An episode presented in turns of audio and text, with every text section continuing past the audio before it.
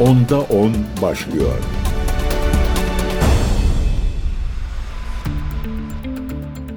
Değerli CGTN Türk takipçileri ben Gökün Göçmen Onda 10 programına hoş geldiniz. Onda Onda gündemin ilk gündem maddesi Cezayir'in Birleşmiş Milletler Güvenlik Konseyi'ne sunduğu ve Filistin'de ateşkesi öngören tasarının Amerika Birleşik Devletleri tarafından reddedilmesi.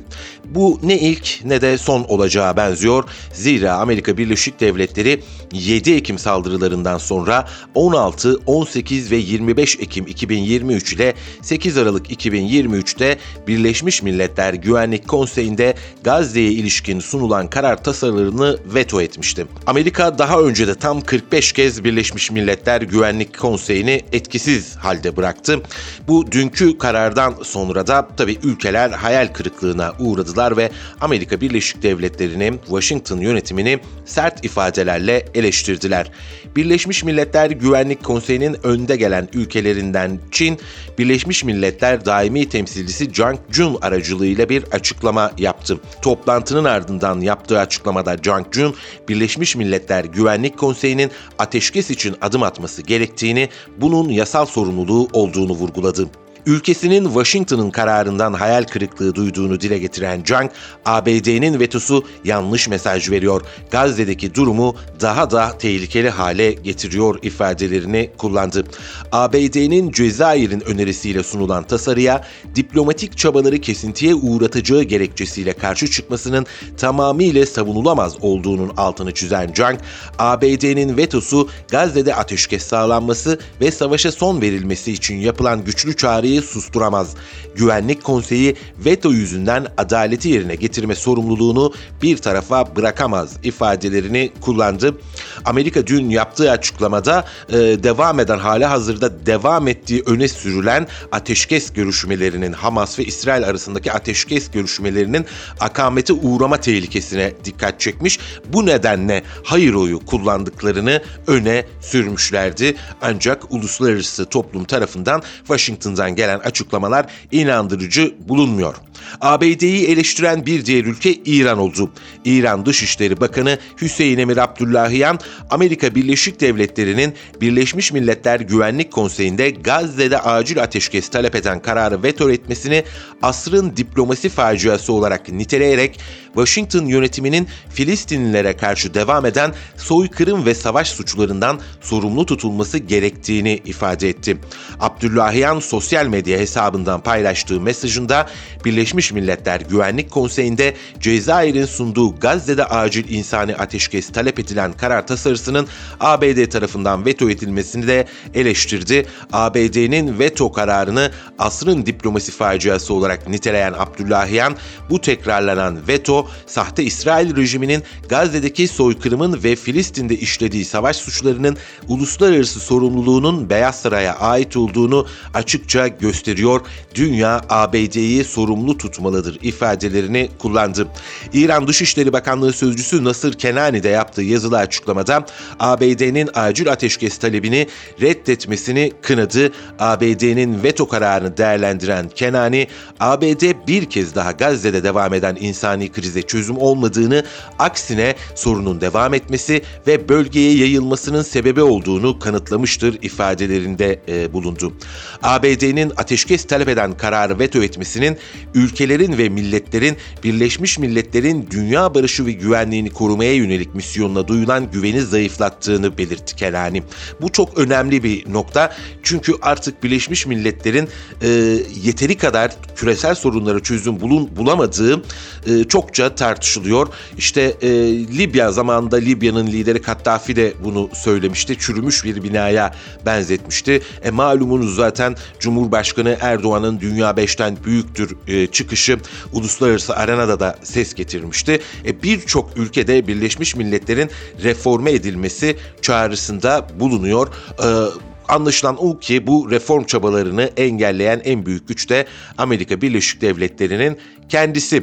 Kenani yani İran Dışişleri Bakanlığı Sözcüsü Kenani, ABD'nin Filistin konusunda ısrarlı veto hakkını kullanması bölgesel ve uluslararası barış ve güvenliğe sorun oluşturduğu gibi kuruluş amacı uluslararası güvenliği ve barışı korumak olan Birleşmiş Milletler ve Güvenlik Konseyi'ne zarar vermektedir değerlendirmesinde bulundu. Kenani uluslararası toplumu Filistinlilere yönelik devam eden soykırım karşısında sessiz kalmamaya çağırarak uluslararası toplumun ABD'nin Birleşmiş Milletler Güvenlik Konseyi'ni rehin alarak tek taraflı eylemleri ile bölgesel ve uluslararası güvenlik ve barışı tehlikeye atmasına izin vermemesi gerektiğini ifade etti. Tahran yönetiminden uluslararası kamuoyuna harekete geçme çağrısı geldi. ABD'yi eleştiren bir diğer ülke ise Latin Amerika'da Küba ancak bu kez adres değişti. Küba Uluslararası Adalet Divanı'nda duruşmalara katıldı ve e, orada e, dikkat çöken beyanatlarda bulundu. ABD'yi sert ifadelerle e, eleştirdi. Dışişleri Bakan Yardımcısı Rodriguez Camacho dedi ki bu katliam uluslararası hukuka göre soykırım, savaş suçları ve insanlığa karşı suçlardan sorumlu olan Amerika Birleşik Devletleri gibi ülkelerin suç ortaklığıyla gerçekleşmektedir. İsrail Filistin'de yaptığı ihlallerle Birleşmiş Milletler Genel Kurulu, Güvenlik Konseyi ve Uluslararası Adalet Divanı tarafından kabul edilen çok sayıda karar ve hükmü görmezden geldi dedi. Ee, Küba Dışişleri Bakan Yardımcısı Camejo ayrıca ABD'nin Birleşmiş Milletler Güvenlik Konseyi'nde veto yetkisini kullanarak uluslararası toplumun Filistin konusunda etkin şekilde harekete geçmesini bu zamana değin 47 kez engellediğinin altını çizdi. 47 kez Amerika Birleşik Devletleri deyim yerinde ise uluslararası toplumun e, reaksiyonlarını felç etti. Kamejo, İsrail'in ihlali Amerika Birleşik Devletleri'nin gerçek eylemsizliğinin bir sonucu olup Güvenlik Konseyi'ndeki veto ayrıcalığının kötüye ve sorumsuzca kullanılmasının doğrudan bir sonucudur değerlendirmesinde bulundu. İsrail bu gücü nereden alıyor diye soruyorsunuz ya işte 47 kez Birleşmiş Milletleri etkisiz bırakan hayır oyu kullanan Amerika Birleşik Devletleri'nden alıyor bu gücü. Küba'nın açıklamalarını aktardım. O halde Latin Amerika ile devam edelim. Malumunuz Brezilya Devlet Başkanı Lula da Silva Netanyahu'yu Hitler'e benzetmişti. Demişti ki e, en son Hitler bu kararı verdiğinde e, benzer bir tablo ortaya çıkmıştı ifadelerini kullanmıştı ve bunun ardından İsrail e, Brezilya Devlet Başkanı Lula da Silva'yı istenmeyen kişi ilan etmişti. Ancak Brezilya liderine Latin Amerika genelinden destekler gelmeye devam ediyor. Hangi ülkeler destekledi? Venezuela, Kolombiya ve Bolivya'dan açıklamalar geldi. Venezuela Devlet Başkanı Nicolas Maduro dün katıldığı televizyon programında Nazi lideri Adolf Hitler'in Batılılar tarafından üretilen bir canavar olduğunu belirtti.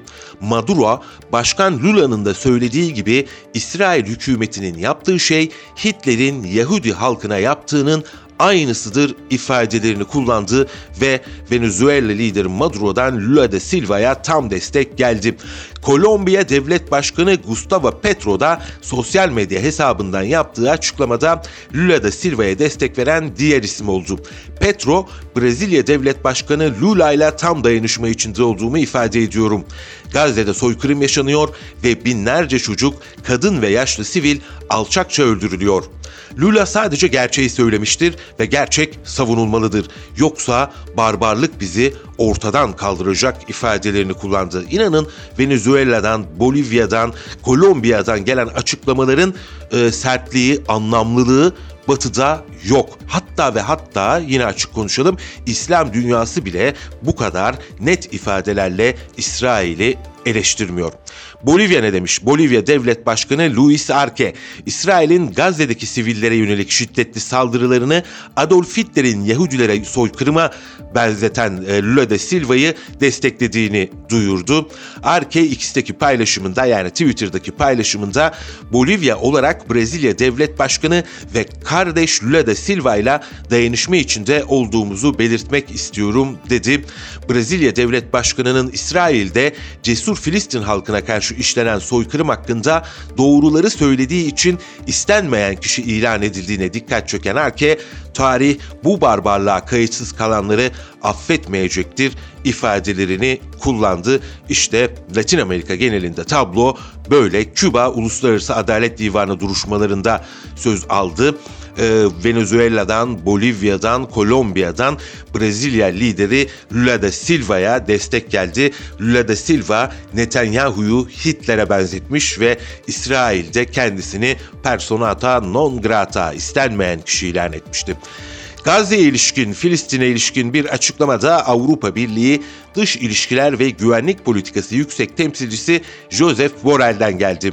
İsrail'in saldırılarının devam ettiği Gazze'de yaşananların doğal bir felaket olmadığını belirtti Borel. Bu bir insani felakettir ve durdurulmalıdır dedi.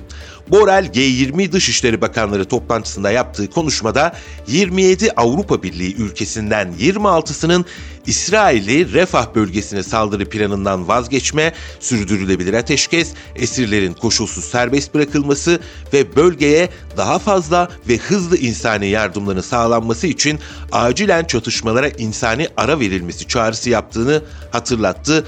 Avrupa Birliği'nin Filistin konusunda birlik içerisinde olduğunu öne sürdü.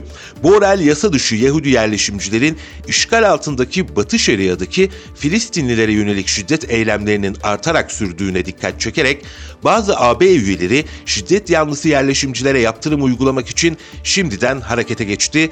Batı Şeria'da yaşananlar iki devletli çözümün önündeki gerçek engeldir dedi Borel. Oysa Batı Şeria'da yaşananların e, ve Filistin'in e, bir devlet olarak tanınmamasının önündeki en büyük engel İsrail'in kendisi. Ne yazık ki bu böyle. Biraz sonra haberi size aktaracağım. İsrail parlamentosunun aldığı karardan anlayacaksınız. Bölgede kalıcı barış sağlanması için iki devletli çözüme yönelik uluslararası toplumun fikir birliği içerisinde olduğunu işaret eden Borel, bu çözümü hayata geçirmek için çabaları iki katına çıkartma çağrısı yaptı. Ee, işte tablo bu şekildeydi Avrupa Birliği'nden gelen açıklamada. Şimdi bakalım İsrail'de neler olup neler bitiyor. Önce Wall Street Journal'ın haberiyle başlayalım. Wall Street Journal'ın haberinde İsrail ordusundan yetkililere dayandırılan bir iddia var. İsrail'in yapımı devam eden yaklaşık 8 kilometre uzunluğundaki çakıl taşlı yolun İsrail sınırından Akdeniz kıyısına uzanarak Gazze kentini ikiye bölmek istediği öne sürüldü. Wall Street Journal'ın ulaştığı uydu görüntülerine göre Gazze kentini doğu-batı ekseninde kesen eski yolun kuzeyine inşası süren yeni bir yol eklenecek, tarlalar ve az nüfuslu bölgelerden geçecekmiş. İsrail'in Kanal 14 televizyonunda 17 Şubat'ta yayınlanan görüntüler kanıt gösterilerek İsrailli mühendislerin tasarladıkları güzergah üzerindeki yapıları yıkmaya planladığı ve askeri koridoru genişletmek için yola çakıl dökmeye başladığı bildirildi.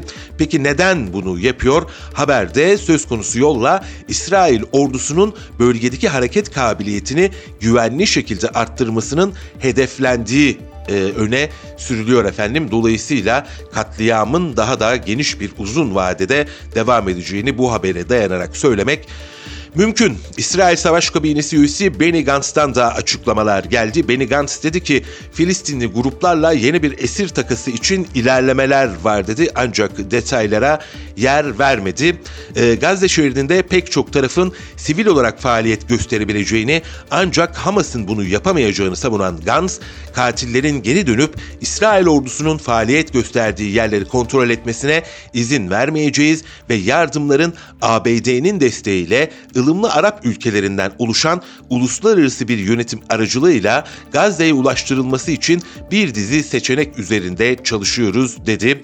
Gantz, İran'la mücadelede ılımlı ekseni güçlendirmek, Filistinlilerin Gazze'de yeni bir yönetim sistemi oluşturmasına yardımcı olacak, bölgesel yönetimi kurmak ve Birleşik Arap Emirlikleri'ndeki dostlarımızın yaptığı gibi e, yatırımların okul müfredatının değiştirilmesine de yönlendirilmesini istiyoruz dedi. Yani anlaşılan o ki Hamas'ın içerisinde yer almadığı hatta ve hatta bana kalırsa Filistinlilerin içerisinde yer almadığı uluslararası bir Arap koalisyonunun Gazze'de etkin olmasını istiyor e, İsrail. ve aynı zamanda bu etkinlik tabii ki bir devlet statüsünde olmayacak İsrail'e göre. Çünkü İsrail parlamentosu bir karar aldı. İsrail Meclisi Knesset. Uluslararası toplumun Filistin devletini tek taraflı olarak tanıması girişimlerine itiraz eden kararı oy birliğiyle kabul etti. Açıklamada İsrail Filistinlilerle kalıcı çözüme ilişkin uluslararası emirleri kategorik olarak reddediyor. Çözüm ön koşul olmaksızın yalnızca iki taraf arasında doğrudan müzakere yoluyla gerçekleştirilecek ifadelerine yer verildi. Uluslararası toplum destek vermesin biz Filistin'i sahada ezelim masada ikna edelim. Yani müzakerelerden anladığı bu. Oylamanın ardından açıklama yapan İsrail Başbakanı Benjamin Netanyahu, Filistin devletinin kurulmasını dayatmak yalnızca barışı sağlamakla sağlamamakla kalmayacak, aynı zamanda İsrail devletini de tehlikeye atacaktır. İsrail'in bir Filistin devleti kurma yönündeki tek taraflı emirlere karşı çıkması yönündeki teklifime büyük bir çoğunlukla oy veren muhalefet üyeleri de dahil olmak üzere parlamento üyelerini tek tek tebrik ediyorum dedi Netanyahu. İsrail Meclisi Meclisi'nin bir Filistin devletinin kurulmasını dikte etme girişimlerine karşı büyük bir çoğunlukla birleştiğine dikkati çeken Netanyahu, kararın oy birliğiyle kabul edilmesinin uluslararası topluma da güçlü bir mesaj olduğunu öne sürdü. Netanyahu'nun 18 Şubat'ta kabineye sunduğu uluslararası toplumun Filistin devletini tek taraflı olarak tanıması girişimine itiraz eden karar hükümet tarafından daha önce de oy birliğiyle kabul edilmişti. İşte tablo bu şekilde. Peki bütün bu gelişmelere direniş ekseni Filistin ne yanıt veriyor? Direniş ekseninden kastımız elbette içerisinde Hizbullah da var, Hamas da var ama Hamas'la başlayalım. Hamas'ın üst düzey isimlerinden Usama bin Hamdan, Gazze şeridindeki Filistin halkının soykırıma maruz kaldığını kaydederek Gazze'nin kuzeyinde kuşatma nedeniyle acı çeken 600 bin kişi var ve savaşın başından bu yana buralara yiyecek ve ilaç girmesine izin verilmiyor ifadelerini kullandı. Tahran'da yaptığı konuşmada İran'ın başkentinde konuşmuş Hamdan. Özgürlükten, demokrasiden, insan haklarından bahseden dünya onların yavaş yavaş ölmelerini izlemekten başka hiçbir şey yapmıyor demiş. Batı ve ABD suç ortağıdır. Onları sadece destekçi olarak görmüyoruz diyen Hamdan ardından şöyle devam etti. Sahada yaşanan direnişin sahada yaşananlar dedi, direnişin çatışma kabiliyetine sahip olduğunu kanıtladı. Direniş 7 Ekim'de Gazze çevresinde konumlanmış askeri tümeni yenerek zafere ulaştı. Direniş düşmana sıfır mesafeden saldırarak her gün zafere ulaşıyor ifadelerini kullandı. Yani İsrail'in iddia ettiği gibi Hamas'ın e, büyük bir darbe yemediğini Aksine e, direniş güçlerinin 900 tank, 54 zırhlı personel taşıyıcıya ve e, düzinelerce askeri araca zarar verdiğini e, hatırlattı bir kez daha. Düşmanın refah saldırmaya yönelik herhangi bir girişimi aynı güç ve cesaretle karşılanacak ve düşman bundan yalnızca zarar görecektir dedi. Hamdan'ın gündemindeki bir diğer konu da ateşkes, e, ateşkes ile ilgili görüşmelerdi. E, şunu söyledi tutumumuz kesin saldırganlığın tamamen ve kapsamlı bir şekilde durdurulmasının gerekliliği dört noktada özetlenebilir.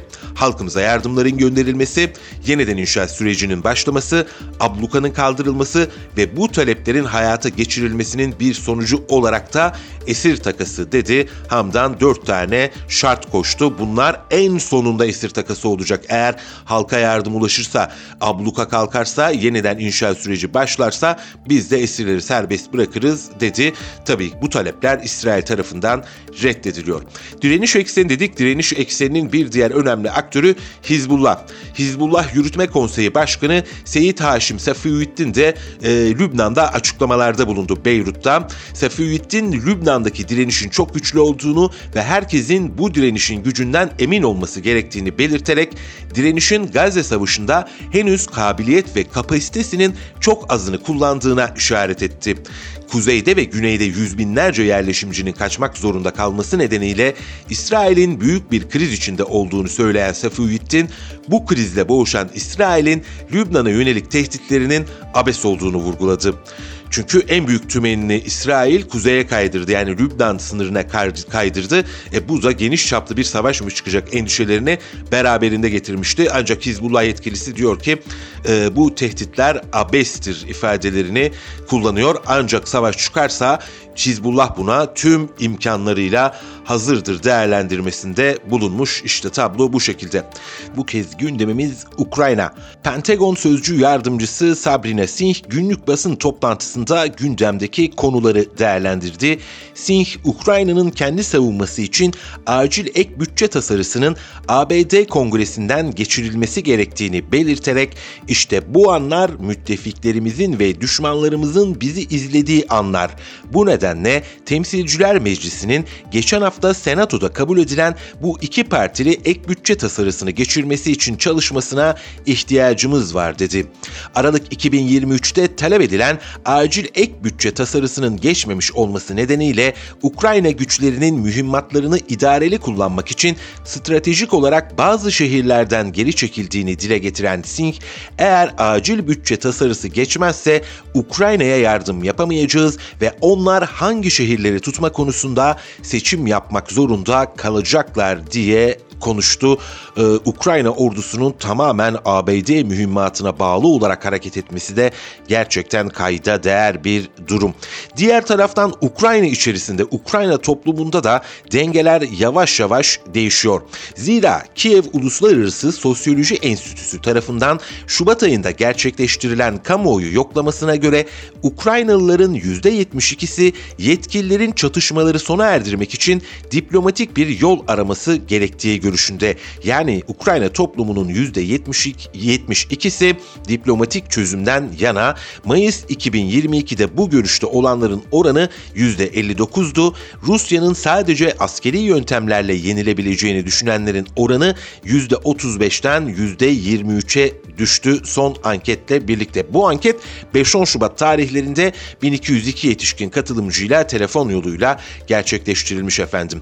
2022'nin Mart ayında İstanbul'da gerçekleştirilen müzakerelerin sabote edilmesinin ardından Rusya ile Ukrayna arasındaki görüşmeler Devlet Başkanı Zelenski'nin Mayıs 2022'de çıkardığı kararname ile yasak ilan edilmişti. Rusya Devlet Başkanı Vladimir Putin'e göre görüşmeler tamamlanmaya yaklaşmıştı ama Kiev ABD'nin emriyle yine bizzat Putin'in ifadesiyle tüm anlaşmaları çöpe attı. Daha önce Halkın Hizmetkarı Partisi'nin Verhovna Rada Grup Başkanı David Aramhia da Kasım ayında yaptığı açıklamada Ukrayna'nın tüm siyasi ve askeri liderliğinin müzakere pozisyonunun kötü olması nedeniyle Rusya ile çatışmaların devam etmesinden yana olduğunu söylemişti. Ee, Ukrayna toplumunda dengeler değişirken diğer taraftan uluslararası basın da müzakerelerin kim ve neden e, baltalandığını, kim tarafından neden baltalandığını tartışmaya devam ediyor. Avrupa Birliği'nin hedef tahtasında ise Rusya var. AB dönem başkanı Belçika'nın resmi sosyal medya hesabından AB ülkelerinin büyükelçilikleri Rusya'nın Ukrayna'ya yönelik saldırganlığı çerçevesinde 13. yaptırım paketi üzerinde prensipte anlaşmaya vardı paylaşımı yapıldı. Bu AB tarafından onaylanan en geniş yaptırım paketlerinden biri ifadesi kullanılan paylaşımda paketin 24 Şubat'ta resmen onaylanacağı kaydedildi. AB Komisyonu Başkanı Ursula von der Leyen de Rusya'ya yönelik 13. yaptırım paketimize ilişkin anlaşmayı memnuniyetle karşılıyorum değerlendirmesinde bulundu. Ve dedi ki Putin'in savaş makinesini zayıflatmaya devam etmeliyiz. Ben de anımsatayım bu yaptırımlara karşın Rusya ekonomisi büyüyor. Leyen AB'nin Ukrayna dolayısıyla Rusya'ya uyguladığı yaptırım listesindeki kişi ve kuruluş sayısının 2000'i bulduğunu ve Rusya'nın insansız hava araçlarına erişiminin daha da kısıtlandığını dile getirdi. Yeni pakette yaptırım listesine 200'e yakın kişi ve kuruluş eklenmesi bekleniyor.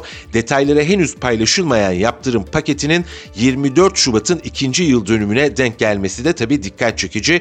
Rusya'nın e, kendilerinin ifadesiyle Moskova'nın ifadesiyle özel askeri operasyon, Batı'nın ifadesiyle savaş ve daha sonra Rusya'nın tekrar bir tanımlamasıyla kolektif Batı ile bir savaş yaşanmıştı. 24 Şubat'ta ne yazık ki hala devam ediyor. Avrupa Birliği şimdiye kadar Rusya Rusya'ya yönelik 12 yaptırım paketini yürürlüğe koydu. Rusya'ya yönelik yaptırımlar ticaret, finans, sanayi, teknoloji, ulaşım, çift kullanımlı ve lüks ürünleri de içeren geniş bir yelpazeye yayılıyor. Deniz yoluyla taşınan ham petrol ile bazı petrol ürünlerinin Rusya'dan AB'ye ithalatına yönelik yasak, bazı Rus bankalarının uluslararası ödeme sistemi olan SWIFT'ten çıkarılması ve çok sayıda yayın kuruluşunun faaliyetlerinin askıya alınması da bu yaptırım paketlerinin içerisindeydi efendim. Bu zamana kadar 13 kez yaptırım uygulandı. Elde ne var diye soracak olursanız işte e, Rusya Çin'le ticaretini daha fazla genişletti. Hindistan ile daha fazla genişletti. Petrol fiyatları e, düşmedi. Suudi Arabistan ikna edilemedi. Latin Amerika'da birçok ülkede zaten hali hazırda ticaretine devam ediyor. Ukrayna Devlet Başkanı Volodymyr Zelenski'nin bir başka gündem maddesi de Polonyalı çiftçiler efendim. Çünkü Polonyalı çiftçiler e, Ukrayna'dan gelen tahılın serbest piyasada kendilerini zor bıraktığı gerekçesiyle e, sınıra kadar gitmişlerdi. Polonya ve Ukrayna sınırını kapatmak istemişlerdi. İşte Zelenski Polonya hükümetine bu ülkenin çiftçilerin Ukrayna'dan tahıl ithalatına karşı protestosu nedeniyle sınırda buluşma çağrısında bulundu. Zelenski sosyal medya hesabından yaptığı açıklamada dayanışmanın tüm Avrupa'nın tarihini daha iyi götüren bir kelime olduğunu belirterek ancak şimdilerde ortak kazanımların çökmeye başlamasına neden olabilecek aşırı ve haksız bir siyasallaşmaya tanık olduklarını kaydetti. Ukrayna hükümetine 24 Şubat'a kadar Ukrayna-Polonya devlet sınırına gitme talimatı verdiğini aktaran Zelenski, Sayın Başbakan Donald Tusk, sınıra gelmenizi rica ediyorum. Saygın Cumhurbaşkanı Duda, sizden bu diyaloğu desteklemenizi rica ediyorum. Bu ulusal güvenlik meselesidir. Bunu geciktirmemeliyiz. Gelecek birkaç gün bize bunu yapmamız için fırsat veriyor ifadelerini kullandı.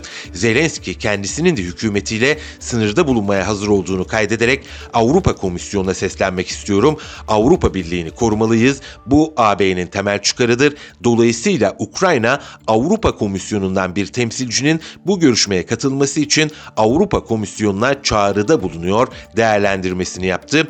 Devlet Başkanı Zelenski açıklamanın sonunda Polonyaca yani Pollehçe topraklarımıza bu kadar Moskova yeter, bu kadar yanlış anlaşılma yeter, birbirimizi aşağılamamalıyız. Hem Ukraynalı hem de Polonyalı çiftçileri aşağılamamalıyız. Bize birlik lazım. Ukrayna ve Polonya arasında hem de tüm Avrupa'da çözüme ihtiyacımız var ifadelerini kullandı. Mesajının sonunda lehçe e, olarak bunu e, kaydetmiş Ukrayna Devlet Başkanı Volodymyr Zelenski. Sadece NATO'nun bu genişleme çabaları tabii Ukrayna ile sınırlı değil. Bir diğer ülke ilerleyen zamanlarda bir parlama noktası olacak ülkelerden bir tanesi de e, Gürcistan. NATO Genel Sekreteri Jens Stoltenberg Gürcistan'ın yeni başbakanı Irakli Kobakzade ile görüşerek bu ülkenin NATO ve Avrupa Birliği'ne e, üyeliğine destek verdiğini söyledi. Gürcü lider de demiş ki biz zaten bu ailenin bir parçasıyız ifadelerini kullanmış ve ülkemiz yıllardır demiş Rusya'nın işgali altında ülkemizin yüzde toprakları e, yüzde yirmisi işgal altında ifadelerini kullanmış. E, açıkçası Gürcistan'a ilgi duyan sadece NATO değil aynı zamanda Avrupa Birliği de ilgi duyuyor. Avrupa Birliği son yaptığı açıklamada demişti ki Gürcistan'ı tam anlamıyla bir Avrupa haline getireceğiz ifadelerini kullanmıştı. Benzer demeçler Ukrayna için de kullanılıyordu efendim işte e, NATO'ya alınacaktı. Avrupa Birliği'nin üyesi yapılacaktı. Tabii bunlar e, sadece Ukrayna'nın kapıda beklemesiyle ve e, şu andaki büyük trajediyi e, yaşamasıyla neticelendi. Bakalım Gürcistan'da ne olacak? Aynı zamanda diğer bir parlama noktası da muhtemelen Moldova olacak. Transdniester bölgesinde de zaten hali hazırda yavaş yavaş gerilimin yükseldiğine tanıklık ediyoruz ne yazık ki. Ama NATO genişleme politikasından taviz vermiyor. Ee, uzunca bir sürede bu çatışmalar devam edecek. Zaten e, Almanya 10 yıl içerisinde biz bile doğrudan savaşabiliriz ifadelerini kullanmıştı. NATO içerisindeki ülkeler e, en büyük tatbikatını gerçekleştiler. E, Steady Fast Defender isimli tatbikat Soğuk Savaş'tan bu yana yapılmış e, en büyük NATO tatbikatı olarak kayıtlara geçti ve bu tatbikatın bir bölümü de e, Rusya sınırlarının e, çevresinde gerçekleşiyor. Rusya yaptığı açıklamada elbette dedi bu bize karşı bir tehdit. Biz de gereken önlemleri almaya devam ediyoruz dedi. Şöyle bir Amerika Birleşik Devletleri'ne uzanalım bakalım neler yaşanıyor ABD'nin içerisinde malumunuz seçim seçimler yaklaşıyor. ABD başkan adaylarından Donald Trump Fox News'a katıldı. Burada bir programa katıldı ve Biden'ı televizyonda düelloya davet edip etmeyeceği sorusuna hemen burada senin programında yapacağım ona şimdi meydan okuyorum yanıtını verdi. Herkesle münazara yapmaya hazır olduğunu söyleyen Trump, Biden'ın seçim tartışmasına katılacağını düşünmediğini belirtti. Cumhuriyetçi aday adayları arasındaki 5 ön tartışmaya katılmayan Trump, zeki davranarak zamanını boşa harcamamayı tercih ettiğini ifade etti. Trump başkanlık yarışındaki tek ciddi rakibi Cumhuriyetçi Parti'nin aday adaylarından Nikki Haley'in yarışı bırakacağı iddialarına verdiği hiçbir yere gitmiyorum cevabını bence nasıl bırakacağını bilmiyor, çıkamıyor ifadeleriyle yorumladı. Trump Haley'in yardımcı olması seçeneğinin söz konusu olmadığını da dile getirdi. Biden Trump'ın münazara davetini ben olsam ben de benimle tartışmak isterdim şeklinde yanıtlamış. Trump'ın yapacak başka bir işi olmadığını savunmuştum.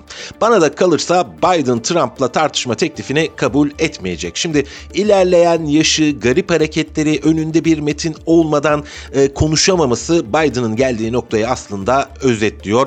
E, Biden da diyecek ki elbette ben de benim gibi bir insan olsam tartışmak isterdim diye kendisini övüyor ama e, münazaraya çıkacağını düşünmüyorum. Çin'e bakalım. Çin'in Afganistan işlerinden sorumlu özel temsilcisi Yue Xiaoyong bir açıklama yaptı. ABD'yi Washington'ın Afganistan'ın deniz aşırı varlıklarına ilişkin elinde tuttuğu 7 milyar doları bırakmaya ve tek taraflı yaptırımları kaldırmaya çağırdı. Salı günü Global Times'a verdiği bir mülakatta Yue, Washington'ın Afganistan'a yönelik yardım planının yüzeyselliğini vurguladı ve ABD'yi Afganistan'ın karşı karşıya olduğu gerçek zorluklardan kaçınmaya son vermeye çağırdı.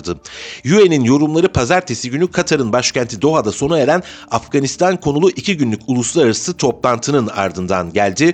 Toplantı Birleşmiş Milletler üyesi devletleri ve Afganistan'daki uluslararası elçileri Afganistan'ın karşı karşıya olduğu bir dizi meseleyi görüşmek üzere bir araya getirdi efendim.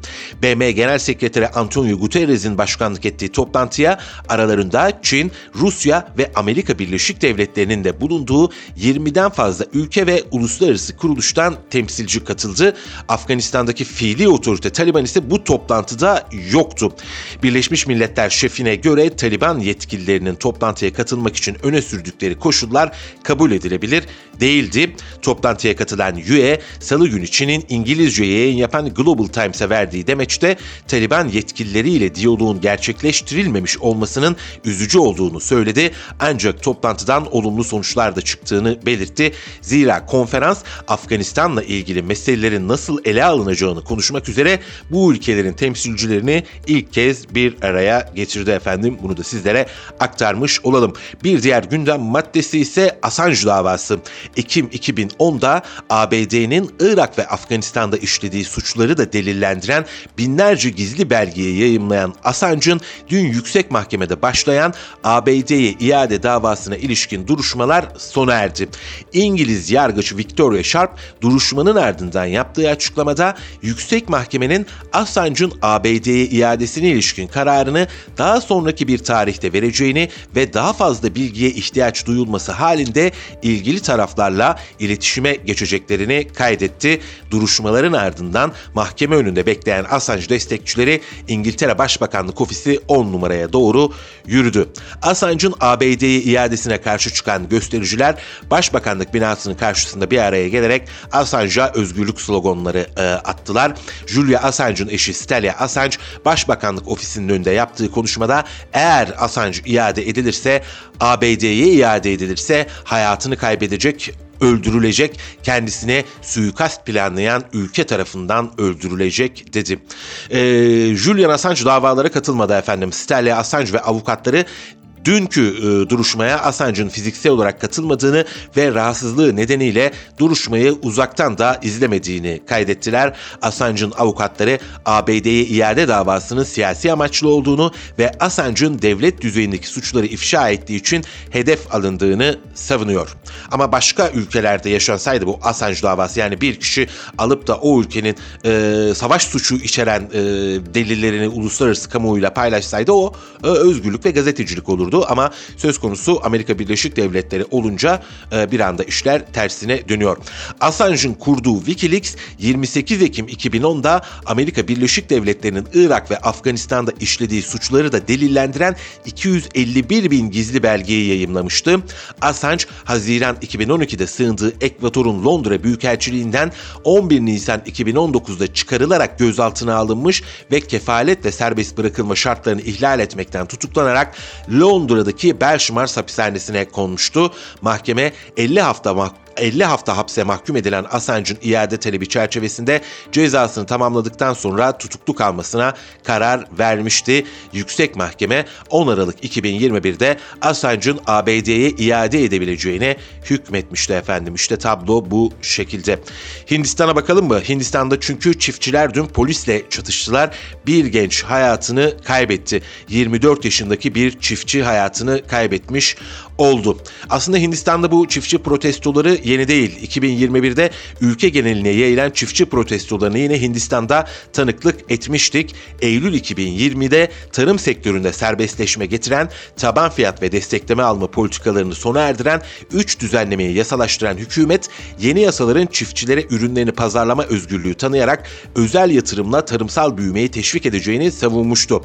Çiftçiler ise bunların kazançlarını azaltacağını, aracı şirketlere daha fazla yetki tanıyacağını ve sonunda kendilerini topraksız bırakacağını ileri sürerek başta Yeni Delhi olmak üzere ülkenin farklı kentlerinde protestolar düzenlemişti. Bu protestoların ardından Modi hükümeti yasaları kaldırma kararı vermişti. Ancak Henüz bu yasalar kaldırılmadı. İşte son eylem halkası da buradan başladı. Çiftçiler 13 Şubat'ta hükümetin verdiği sözleri yerine getiremediğini gerekçe göstererek alanlara indiler.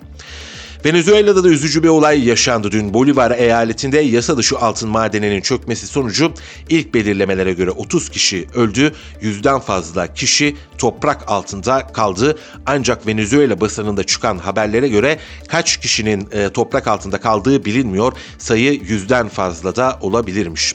Brezilya sınırındaki Bolivar eyaleti altın, elmaz, demir, boksit ve koltan rezervlerinin zengin olmasıyla tanınıyor.